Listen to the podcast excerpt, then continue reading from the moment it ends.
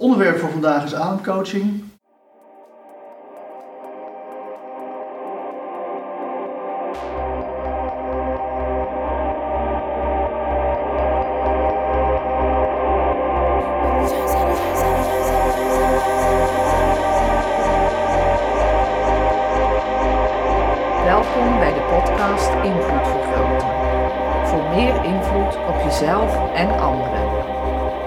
Licensed NLP Master Trainer en door de Vrije Universiteit gecertificeerde OBM Trainer Coach Joost van der Leij.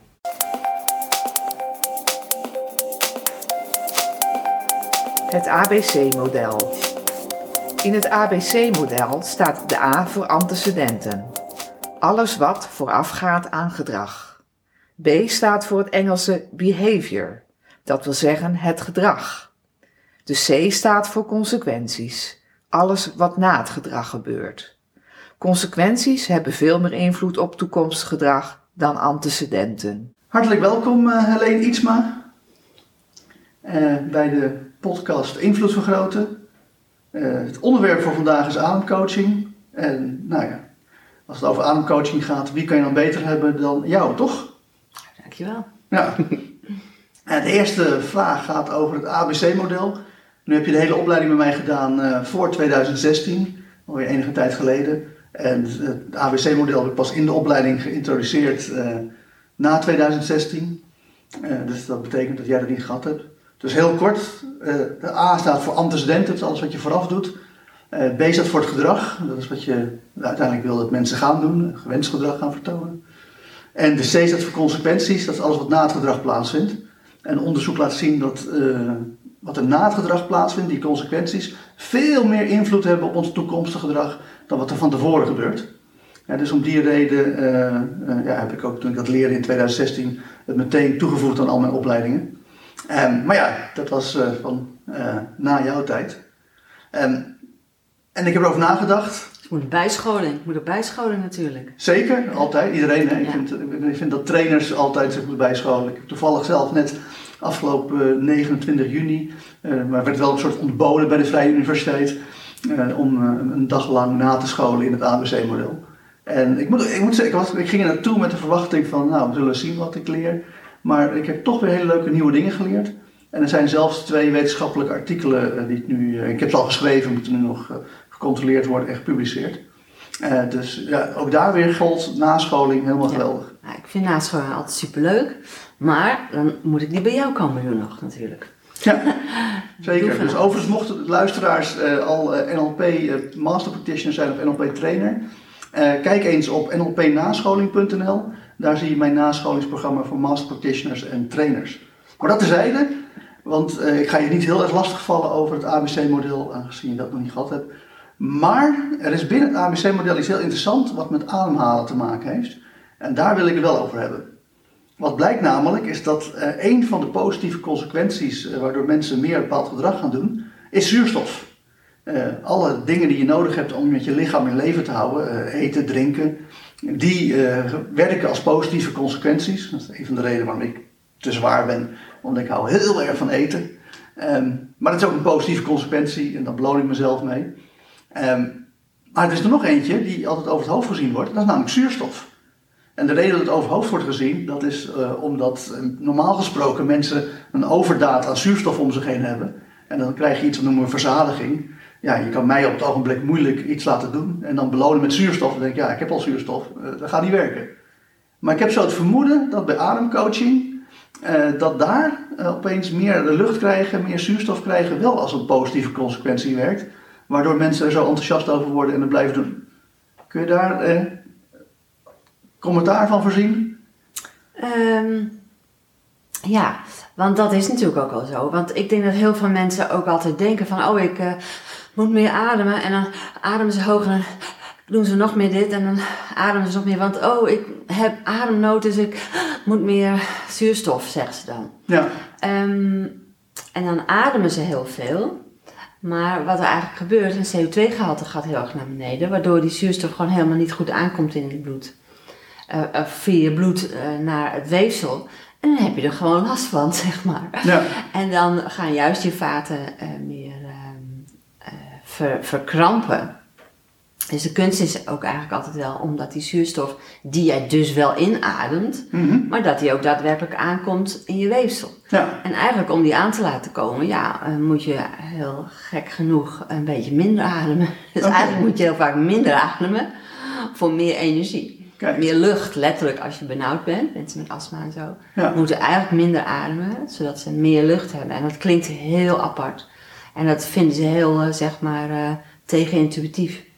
ja, Maar ja, dat is dus even oefenen. En dan, dat, weet je, dat is net als met sport. Ja, dat voelt ook tegen natuurlijk. Of eh, je toetje laten staan, dat voelt ook tegen natuurlijk. Omdat je denkt, ja, maar ik heb het nu verdiend. Ik heb er nu zo'n zin in. Dus je eet hem toch maar op. Ja, intuïtie zegt, geef mij dat. Maar Ja. ik wil niet zeggen dat het goed is. nou het is niet per se je intuïtie, het is natuurlijk Je gevoel. brein eh, Ja. dat eh, verslaafd is aan bepaalde positieve consequenties, in dit geval eten. Maar dat is al mooi om dat, om, dat te horen, want dat is al les 1 voor mij. Eh, namelijk dat het niet zozeer om zuurstof gaat, als wel over het- de mogelijkheid om zuurstof naar de rest van je lichaam te transporteren. Ja. En jij geeft aan, daarvoor zijn eh, speciale ademhalingstechnieken eh, voor nodig. Of in ieder geval, als mensen die leren, dan is het vaak zo dat ze dan beter in staat zijn. dat zeg jij, hè? Jij zegt, jij geeft aan, maar ik heb dat nog niet gezegd. Je- eigenlijk is het gewoon, als je rustig en kalm ademt, ben je gewoon top bezig. Oké. Ja. Ik heb zelf de neiging om altijd heel, heet het, eh, hele eh, lage, hele rustige, hele oppervlakkige ademhaling te doen. Ja, nou, uitstekend. Volgens mij is er ook een Rus die daar. Ja, Piteco. Kijk. Ja, die vind ik zelf wel, heb ik ooit een videootje over gemaakt, kreeg ik heel veel shit over me heen. Oké. Want ik noem het dan nadelen, voordelen, Puteco-methode. Ik heb zelfs een cursus gedaan. Nou, ze zijn zo star en streng in de leer. Het is alleen maar dit is het en eh, verder eh, is er niks. En toen eh, was een paar jaar nadat ik Wim Hof dingen had gedaan, dus ik vertelde hoe dat ging. En een andere ademtechniek, verbonden ademhaling. Nou, die mevrouw die kreeg zowat een, ja, een paniekaanval toen, toen ik vertelde hoe dat ging. Nou, dat was echt een soort verbod, weet je wel. Ja, nou, dan ben je, dan ben je mij kwijt. Ja. Als je denkt dat, dat jij eh, de weg en de waarheid, die is er niet in mijn idee. Nee. Het is, eh, er zijn meer mogelijkheden Ja. om tot dezelfde, eigenlijk rustigere, oppervlakkige ademhaling die jij eh, zelf van nature, of misschien heb je het aangeleerd, doet, om daar uiteindelijk bij uit te komen. Oké, duidelijk. Dus dat is ook eh, de rol van ademcoaching, neem ik dan aan. Dat je die, eh, leer je dan, in, hè, wanneer mensen bij jou de opleiding tot ademcoach doen, leer je dan al die verschillende eh, ademtechnieken? Nou, ik doe mijn best om de rode lijn te delen en te vertellen.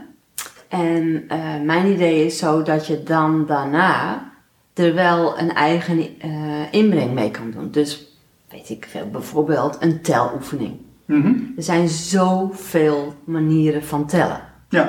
Nou, dan zeggen sommige mensen, oh, de 4-6 oefening, oh, die is helemaal fantastisch hoor. Nou, en zegt iemand dan, nee, dat 5-5, dat is fantastisch. Ja, En bedoelt met tellen, dat zijn een bepaalde ademt. tel. Adem in en wacht en adem uit en Ja. wacht. Maar sowieso adem in of adem uit. Je kunt gewoon met die vier dingen, het inademen, het wachten, het uitademen en het wachten, daar kun je mee spelen. Ja, Nou, als je dat een beetje begrijpt, dan kun je er dus mee spelen, snap je? En dan Duidelijk. zit ik niet meer zo vast aan het tellen aan zich. ja. En ik Als dat je het wel eh, begrijpt. ik weet het pranayama yoga, dat al die verschillende eh, ritmes, allemaal ja, verschillende dat tellen dus. Ja. Dat verschillende, eh, sommige patronen, de, ja, ik ging altijd heel levendig van hallucineren.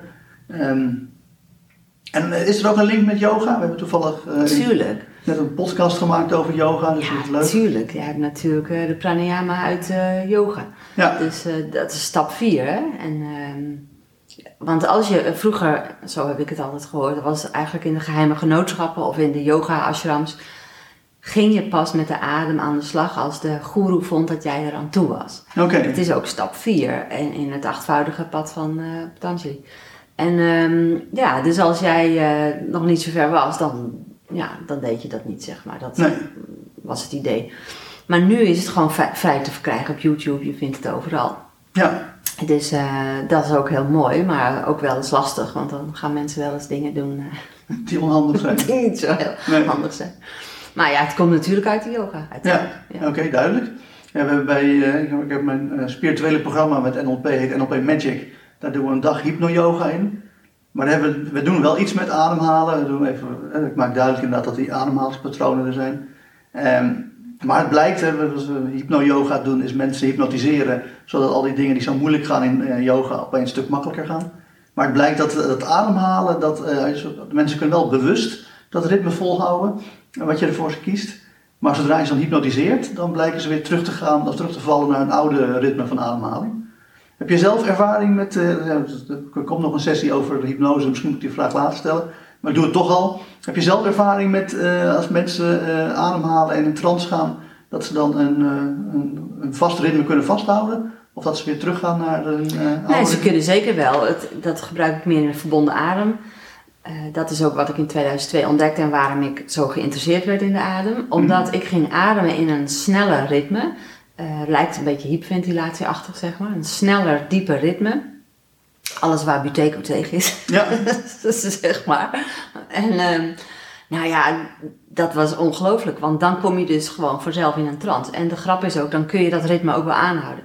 Eerst doe je dat ritme heel bewust. En dan, mm-hmm. dan doe je dat. En dan op een gegeven moment, ja, kun je... Ja, dat is niet altijd. Heel vaak is het ook hard werken. Maar ook heel vaak een, alsof je lijf het overneemt. Dus die gaat dan wel in dat ritme. Ja. En dan zit je gewoon uh, ja, in trance space eigenlijk. Ja, nou dat klinkt ook als hartcoherentie. Doe je daar nee, dat is, dat is gewoon heel... Dan, mm, nou, ik bedoel niet per se dat het nee. snelle ademhalen in dat hartcoherentie is. Nee, absoluut. Maar we hebben een, ook een dag met hartcoherentie gedaan en hypnose. En dan zie je dat zodra mensen gehypnotiseerd worden, dat meteen hun hart coherent uh, wordt. En dat, uh, uh, dus dat als je op moment in een trance zit, een hypnotische trance, een meditatieve trance, dan is het heel waarschijnlijk dat je een heel coherent hartslag hebt. Maar dan is het waarschijnlijk ook dat je ja. ademhaling ook coherent Nou, in, dit is een snelle ademtechniek, dus je, adem, je hartslag is ook hoger. Mm -hmm. Omdat je gewoon heel actief... Dit is een, echt een actieve ademhalingsoefening. Ja. Hartcoherentie is echt een... Um, een rustigere, wat passievere ja, ademhalingsoefening. maar de theorie van, van hartcoherentie stelt dat het niet uitmaakt hoe snel je hart slaat, ja, ja, zolang de tijd tussen de hartslagen maar gelijk is. Hoewel ik ze eerlijk, uh, we hebben dat continu uitgeprobeerd en we hadden iemand gehypnotiseerd en in, in een staat van euforie gebracht. En toen was de hart helemaal incoherent. En dan volgens hartcoherentie zouden ze dan aan, aan een soort mini-paniekaanval zijn. Terwijl die persoon super lekker voelde. Ja. Dus ik ben het ook niet eens met hartcoherentie hoor. Nee, ik heb ook tijdens de verbonden ademhaling wel mensen aan de apparatuur gelegd. En soms was het wel zo en soms niet. Maar eigenlijk wat ik wel altijd zag, aan het einde was het wel zo. Oké, okay, Dus ik dacht altijd, dus uh, ja. Want uh, tijdens het actieve deel, zeg maar, wat mensen ook kunnen voelen en ervaren, uh, zijn emoties die mm-hmm. opkomen. Maar ja, of diepere gevoelens. Dus het kan ook een gevoel van euforie zijn. Ja. En... Um, ja, en, maar ook heel vaak uh, allerlei andere emoties. Duidelijk. En, uh, ja, dan ben je wat minder coherent. Ja. En uh, we hebben het dus over de rust gehad, we hebben het over verbonden ademhaling gehad. En nog, je hebt al heel kort iets over Wim Hof gezegd. Hè? Je bent een ja. van de eerste Wim Hof trainers. Ja. Ik vond het ook erg leuk om te horen dat hij dankzij de NLP-technieken die je bij mij geleerd hebt, ook daadwerkelijk in Zweden voor het eerst in het, in het wak durfde te gaan. Ja. Misschien kan je daar iets over vertellen? Ja, ik, uh, ik heb uh, het fenomeen van Renault en uh, dat betekent dat ik gewoon heel slecht tegen kou kan. En ehm, ik zat dus acht dagen in Zweden met Wim Hof en zes andere mensen. En toen konden die gewoon op dag één meteen al in zo'n zweetsmeertje en ik op dag drie nog steeds niet. En ik weet heel goed, we zaten in een sauna en ik dacht echt, nou nu ben ik goed opgewarmd, maar ik kon het gewoon echt niet. Twee pogingen en toen dacht ik, oké, ik ga nog één keer doen. En wat heb ik nu nog niet geprobeerd? En toen zei ik, zeg, Wim, heb je nog iets? Toen zei Wim, ja, je moet het gewoon goed voelen alsof je het al doet. En toen dacht ik ineens, ah, de NLP zwart-wit terugspoeltechniek. Natuurlijk. Ja. Natuurlijk. Die had ik nog niet toegepast. dus dat heb ik gedaan. En, zodat ik het echt goed zag. En inderdaad, zoals Wim zei, het voelen. Want ja, dat hoort bij de zwart-wit terugspoeltechniek. Ik zag het helemaal. En ik heb natuurlijk mijn, wat ik eerst zag uh, teruggespoeld. En toen heb ik het gedaan. En vanaf toen kon ik het. Ja, heel goed. En uh, Wim Hof heeft ook zijn eigen uh, ademhalingstechniek. we begonnen ja. het uh, gesprek al over dat zuurstof, en ik heb al geleerd dat het dan op de goede manier naar je lichaam getransporteerd moet worden. dat dat als beloning kan werken, als positieve consequentie. hoe zie je dat in combinatie met die ademhalingstechniek van Wim Hof? Want het lijkt erop dat daar ook een soort uh, hyperventilatie wordt opgewekt. Ja. En dan opeens het lichaam ja. heel veel zuurstof krijgt. Ja. en dan iets bijzonders Ja, dat lijkt eigenlijk natuurlijk ook weer op de, op de pranayama's, waar je ook altijd, eh, op, vanuit het freediven bijvoorbeeld, dat je gewoon een tijd niet ademt. Mhm. Eh, retentie of kumbhaka of eh, adempauze, wat voor naam je er maar aan geeft. En dat is eigenlijk het spelen met je zuurstof en met je eh, koolzuurgehalte. Hè? Dus die O2 en die CO2, daar speel je mee. En dat doet Wim Hof uitermate goed. Ja, Dus je zit eerst, ik zou kunnen zeggen, te hyperventileren, maar je doet het bewust. Dus je eerst, ja, eh, je saturatie is helemaal vol. ja, Maar dan gaat ook je CO2-gehalte gaat dalen. En ehm, vooral als je dus, eerst zit je dus helemaal vol met zuurstof, dan wacht je een tijd. Je wordt er ook duizelig van en eh, tintelingen en dat soort eh, symptomen die krijg je. ja, En dan wacht je gewoon zo lang als het duurt voordat je weer moet ademen. Nou, en dan, als je dus dan een saturatiemeter op je vinger doet, dan zie je dat hij gewoon enorm naar beneden zakt. Mhm. Dus je CO2-gehalte daalt, of je zuurstofgehalte daalt, zeg maar. En dan, ja, dat is gewoon waanzinnig wat er dan gebeurt, omdat daardoor er heel veel eh, meer CO2 in het bloed is, omdat Ja. jij niet meer doorademt. En dan wordt er dus zoveel zuurstof van die rode bloedcel afgeknipt en die komt daadwerkelijk in, eh, aan in je weefsel, in je cellen.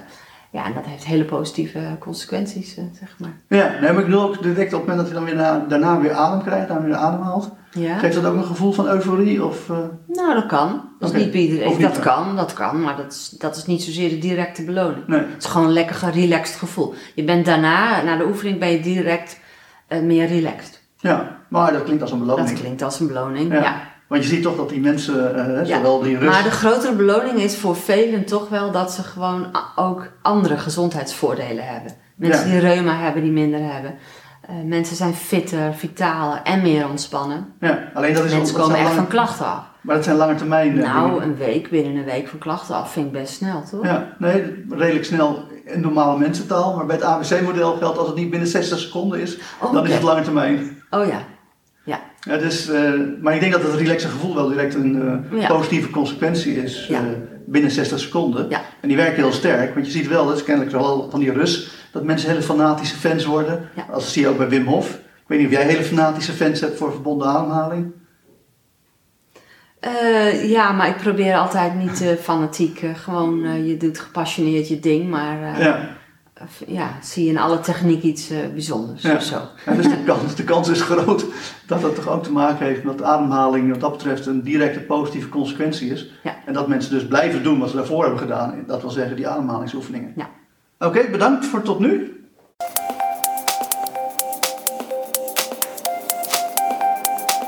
Het breintype van een beroemd persoon. Net zoals er lichaamstypen zijn, heeft iedereen ook een van de negen breintypen. Je breintype bepaalt voor een flink deel je gedrag. Dan voor eh, onderwerp 2, breintypes. Eh, eh, hopelijk vind je het niet erg als ik aan de wereld verklap dat jij een type 9 bemiddelaar brein hebt. Prima. Eh, kan je aangeven wat eh, de, de kennis, het inzicht van dat type 9 breintype de bemiddelaar jou gebracht heeft, wat je eraan gehad hebt? Heb ik heel veel aan gehad. En mijn grootste inzicht is, het is vreselijk confronterend, vind ik ook. Maar dat eh, mijn zonde luiheid is. Ja, En mijn deugd, discipline. Ja. Vreselijk, dat vond ik de vreselijkste. Maar het heeft mij heel tegenwoordig veel... nog tegenwoordig nog erger gemaakt. Oh, tegenwoordig is echt? de deugd extreme discipline. Oh ja, nou ja, voor mij is discipline al extreem, dus ja, oké. ja. Ja, maar ja, en sowieso heel veel heb ik daaraan gehad, zodat ik ook weet wat mijn vleugels zijn. En, ehm, waar ik naast zit en ook wat mijn ontspanning is en wat mijn eh, stresskant is. Waardoor ik weet, als ik gewoon meer ga ontspannen. En naar, eh, heet het dan breintype 3? Ja, succesvolle werker, mijn brein. Hè? Oh ja, ik wou het zeggen. Mijn nadoen. Ja, precies. Nou, dan weet ik dus ook van, oké, dat gaat goed. Ik Ja. doe het goed. En ik weet als ik te veel twijfel, als ik te veel ga nadenken, eh, onzeker word, ehm, bang word en dan nog een keer eh, verhalen in mijn hoofd ga doen. Ja, kijk, dat is het ook. Iedereen kan zeggen, ja, nou, dat heeft iedereen natuurlijk. Ja, oké, dat is ook een soort waar. Ik denk sowieso voor elk type dat als je zo bezig bent, dat het niet goed is. Maar ik weet, dan zit ik nog meer, dan zit ik weer in mijn zes. Zo heb ik mijzelf Ja. weergegeven. Van, oké, Helene, dit is niet de weg. Nee, Hier zit niet het antwoord. Dus ik ga niet naar mijn stresspunt. Hup, weer terug. Heel slim. zo, ja. Ja. Dus daar... eh, Overigens is het zo dat de meeste mensen type 9 bemiddelaarsbrein hebben. Dus in die zin hebben inderdaad veel mensen datzelfde patroon dat ze Precies. gaan piekeren en op zoek gaan naar verklaringen in tijden van Ja. stress. En eh, wanneer ze gewoon lekker in actie komen, eh, gewoon het mantra Ja. hebben, what's in it for me? Denken van oké, word ik er blijer van, word ik er gelukkiger van, word ik er rijker van, krijg ik meer vriendschappen van, dan gaan ze ontspannen. Ja. Desalniettemin is dat maar één op de drie en die andere twee van de drie die, eh, hebben geen grote groep, want dat zijn dan die andere eh, acht types. Eh, maar die doen daadwerkelijk andere dingen dan dit patroon. Ja. Ja. Ehm, en combineer je het ook met de ademcoaching?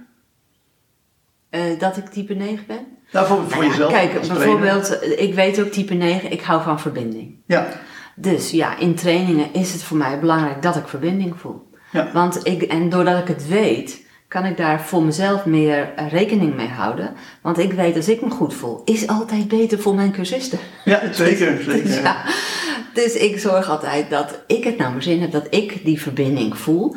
Ja, of die anderen dat dan voelen, nou ja, dat, dat is dan eh, punt 2 eigenlijk, weet je wel. Ja. Maar ik weet, als ik het voel, dat zij uiteindelijk ook beter af zijn. Dus daar doe ik mijn best voor, op mijn eigen manier. Maar ik heb ook meer, of mijn best voor, ik bedoel meer dat ik respect meer hou hoe ik het nodig heb, als het ware. Je? Wel zo. Omdat ik weet uiteindelijk, als ik me goed voel, is de ander daarbij gebaat. ja. Dus ik hou er rekening mee, dat bedoel ik. Maar je wil in ieder geval wel de, de connectie leggen, de brug bouwen eh, met alle deelnemers. Ja, Maar je Ja. gebruikt hetzelfde verder breintypes niet in de opleiding. Dat je voor de deelnemers hun eh, brein nee, want dat maakt me eigenlijk, eh, ja, dat kan jij misschien niet geloven, maar dat maakt me helemaal niet uit. Nee. Nou, mij maakt het ook niet uit eh, wat voor breintypes hebben. Eh, in de zin dat ik geen enkel breintype uit mijn trainingen weer. Eh, tegelijkertijd vind ik het heel prettig wanneer ik met mensen te maken heb om hun breintypes te weten. Want dan weet ik gewoon beter wat ze, als ze vragen stellen, waar die vragen vandaan komen. Dat als de dingen niet gaan zoals ik wil dat ze gaan, dan denk ik, oké, waarschijnlijk doen ze in hun hoofd dit en dit en dit en daarom gaat het mis. Eh, Ja, maar ja, als ik in verbinding ben met iemand, maakt het mij niet uit of vanuit of je nou de 3, 4 of de 6 of de 7 het doet. Dan geef ik toch wel een antwoord, hopelijk passend eh, bij wat het is. Ja. Dus dan hoe, ik hoef daar dan niet voor mij eh, rekening mee te houden. Ik tune dan in op hoe jij de vraag stelt en dan geef ik zo antwoord. Ja, nee, dus dat, dat wilde ik precies toevoegen. Dat is natuurlijk, de meeste mensen houden van verbinding en de meeste mensen die, eh, dat verbinding zoeken, dat heeft te maken met je brein op zoek is naar sociale stabiliteit. Dat vinden bijna alle breintypes eh, heel aantrekkelijk, behalve toevallig type 3 succesvolle werker. Kijk, dus ik wil net al toevoegen van, maar misschien komt het ook puur omdat ik eh, wat minder van de verbinding ben en wat meer ben van, laten we gewoon kijken hoe we zo efficiënt mogelijk kunnen bereiken wat we willen bereiken. Ja. Dus dat is geheel eh, mijn schuld, maar dat is geen enkel probleem.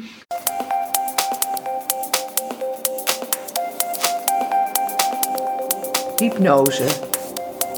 Met hypnose programmeer je rechtstreeks je onbewuste, waardoor je meer invloed hebt op jezelf. Nou, we hadden het al in het eh, eerste onderwerp, kwam het al enigszins aan bod, eh, hypnose of trance. Eh, je gaf aan dat er een ademhalingsoefening is eh, om in trance te gaan. Er zijn ook heel veel hypnotiseurs die dat in trance gaan koppelen aan ademhaling. Eh, gebruik jij hypnose in de eh, ademcoachingopleiding? Ja, want, eh, maar eh, dat wil niet zeggen dat ik het heel bewust als van, oh, ik breng je nu in hypnose zo. Mhm. Ik denk, ik zeg eigenlijk altijd tegen mensen als we ademhalingsoefeningen gaan doen, bijvoorbeeld een verbonden ademhaling, iemand die gaat liggen op jouw matje, ik zeg altijd, die is al in trance, want anders gaat hij echt niet liggen daar, Ja. weet je wel. Dus die zit al lang in, een, in zo'n staat van, nou, kom maar. Ja, En zo niet, dan gaat hij weer rechtop zitten. En dan, dus in die zin gebruik ik absoluut eh, hypnose. En ehm, voor mij is hypnose ook ja, is het, het beïnvloeden van de ander. En ehm, dat ik daar mijn best voor doe om dat zo positief mogelijk te laten zijn. Voor mij is dat eigenlijk ook hypnose. ja. En we hebben twee definities van hypnose, een brede en een nauwe definitie. De brede definitie is mensen overtuigen mee te doen met jouw toneelstuk. Dus dat eh, is, eh, als mensen op een matje gaan liggen, zie ik dat inderdaad, nou die doet mee met mijn toneelstuk, dus die is in een hypnotische trance. Maar je doet niet de eh, echte formele hypnotische inductie, waarbij je mensen in een eh, hypnotische trance brengt. Dat is de nauwe definitie van hypnose, is waar mensen eh, ja, in een trance toestand komen, dankzij hypnose. Maar ik denk dat mensen wel bij jou in een trance toestand komen. Ja, absoluut. Ja. Dus ik doe nooit eigenlijk, zeg maar, directe inducties, zeg maar. Nee. nee. Omdat ik gewoon zoiets heb van, als, wat ik zeg, ja, dan komen ze wel in trance. Dus ik hoef niet, zeg maar, dan zie ik eigenlijk bepaalde inducties als een soort trucje om daar te komen. Ja, is het ook. En dat hoef ik dan niet te doen. Nee, en dus we weten dat uh, uit neurowetenschappelijk onderzoek dat het brein ongeveer drie verschillende soorten activiteiten heeft. Activiteiten die je doet terwijl je wakker bent, activiteiten die je doet uh, terwijl je slaapt. Wat vaak een verrassing voor mensen is, is dat tijdens je slaap je brein vaak actiever is dan terwijl je wakker bent. Uh, een van de redenen dat ik denk dat mensen juist moeten slapen, is omdat af en toe het brein uh, een hyperactiviteitscyclus nodig heeft om bijvoorbeeld ervaringen op te slaan in langetermijngeheugen. En dat het te heftig is voor ons bewustzijn. Dat vandaar dat het brein denkt, weet je wat, we schakelen het bewustzijn uit, kunnen we even hyperactief het brein op orde brengen en daarna kan iemand weer wakker worden. Maar het blijkt dus ook neurowetenschappelijk gezien dat er dus een derde toestand is, de transtoestand waarbij de hoeveelheid integratie die tussen verschillende delen van het brein uh, plaatsvindt uh, via wat dan een default network heet, wat boven in het hoofd zit, afneemt. Mensen ook minder bewust worden, dat is die, uh, dat transgevoel, dat hypnosegevoel. Um, maar waarbij de verschillende delen op zich wel weer veel beter op zichzelf kunnen functioneren. Waardoor mensen meestal in trance beter kunnen voelen, beter kunnen verbeelden, beter hun gedachten kunnen ordenen. Hoewel ze dat vaak niet allemaal tegelijkertijd kunnen, maar één van die dingen uh, zoeken. En er zijn vele wegen die naar trance leiden. Als je auto rijdt en je bent dan dagdromen en je wordt opeens wakker, ben je ook in trance geweest. Um, we hebben hypnose natuurlijk als methode. We hebben meditatie als methode. Uh, dat levert allemaal dezelfde breintoestand op. Ja. Uh, zie je jezelf? ik wel. Ja, ik noem het altijd, jij noemt het meditatie, maar ik noem het altijd visualisaties. En dat gebruiken we wel. Ja. ja. Oké, dus dat was net mijn vraag. Hè? Dat, als je, zie je jezelf meer als uh, mensen hypnotiserend in de zaal? Ook al doe je dat dan met taal, hè? maar dat is ook hoe uh, hypnose vaak gaat. Of zeg je nee, ik help juist mensen in een soort meditatieve manier uh, in trance komen? Um, bedoel je naar mijn cursisten toe? Of ja. hoe mensen... Um, um, ja, ik, ik denk dat mensen gewoon in trance zijn als ze gewoon luisteren. Ja, dat is gewoon een beetje ja. een invloed van jou natuurlijk. Dat denk ik ook. Dat denk ik gewoon. Dus, ja. dus ik maar dat klinkt dan meer als uh, hypnose dan als meditatie? Ja, want ik vind als ik tegen ze praat en dingen uitleg of vertel, uh, dat vind ik niet een meditatie. Voor mij is meditatie uh, wat anders. Ja, nee, helemaal duidelijk. ja. Er komt nog een podcast over meditatie en ik ben het met je eens. Ik vind meditatie is stil worden, je openen en dan uh, het hoger uh, naar beneden laten komen. Maar we hebben ook uh, bij de presentatie van je boek, hè, dat is ook een heel goed boek van Helene uit, Helend, Helende Adem. en bij de boekpresentatie hebben we het. Nee, van mij hebben we dat niet bij de boekpresentatie van Helende Adem gedaan. Helene heeft ook allemaal geluidsopnamen over. nou, voor mij heb je de iets over, uh, ooit een cd gemaakt over NLP en ooit een cd gemaakt over, was het over, over Over, ja, met visualisatieoefeningen. Ja. ja. En toen hebben we een avond georganiseerd uh, waarbij ik uh, hypnose mocht promoten, jij meditatie mocht promoten. dat was voor jouw publiek, dat is om een of andere reden gekozen men overweldigend voor meditatie. En, en dus vandaar dat ik die, die, dat, het verschil tussen hypnose en meditatie altijd interessant vind. En ook wel interessant vind dat ja, wat, wat je nu doet, in mijn oren meer klinkt als hypnose dan als meditatie. Maar volgens mij was je daar mee eens, toch? Ja, maar het is maar net, het is, is het directe hypnose of is het meer indirect? Ik denk dat mensen uh, bij de directere manier, zoals jij dat meer doet, dan eerder gingen afhaken. En bij wat indirecter, uh, dus ze net wat meer op een andere manier meenemen, wat in mijn idee precies hetzelfde is, maar ja. dan net wat anders uh, geframed. Dat ze eerder uh, in trance gingen, zoiets. Dat is het eigenlijk. En dat is meer hoe ik het doe. Ja, ja. het klinkt een beetje als transcendentale meditatie, waarbij je, of niet per se transcendentaal, ik bedoel, nee, nee. waarbij je in ieder geval een soort visualisatieoefening doet, waarmee mensen ontspannen en dan meer en meer. Ja, ja ik visualiseer is een hele, ja, hele, ja, belangrijk onderdeel wel, denk ik. Van, uh, en gewoon weten welke suggesties je doet naar een ander. Dat het komt gewoon binnen. Ja. Dus zo. In ieder geval zorgen dat ze goed geformuleerd zijn. En in plaats van ze heel direct hypnotiseren, waardoor ze met hun armen hoog gaan zitten en helemaal in een uh, hypnotische trance komen in de nauwe definitie van hypnose. Ja. En meer een uh, indirect verhaal. Ja waarmee mensen in ieder geval zorgen dat je ze zo ver krijgt dat ze meedoen met jouw toneelstuk. Ja. Nou, hartelijk dank uh, Helene. Ja. Dank voor het beluisteren van de podcast Invloed Vergroten. Voor meer gratis tools om je invloed te vergroten, ga naar invloedvergroten.nl.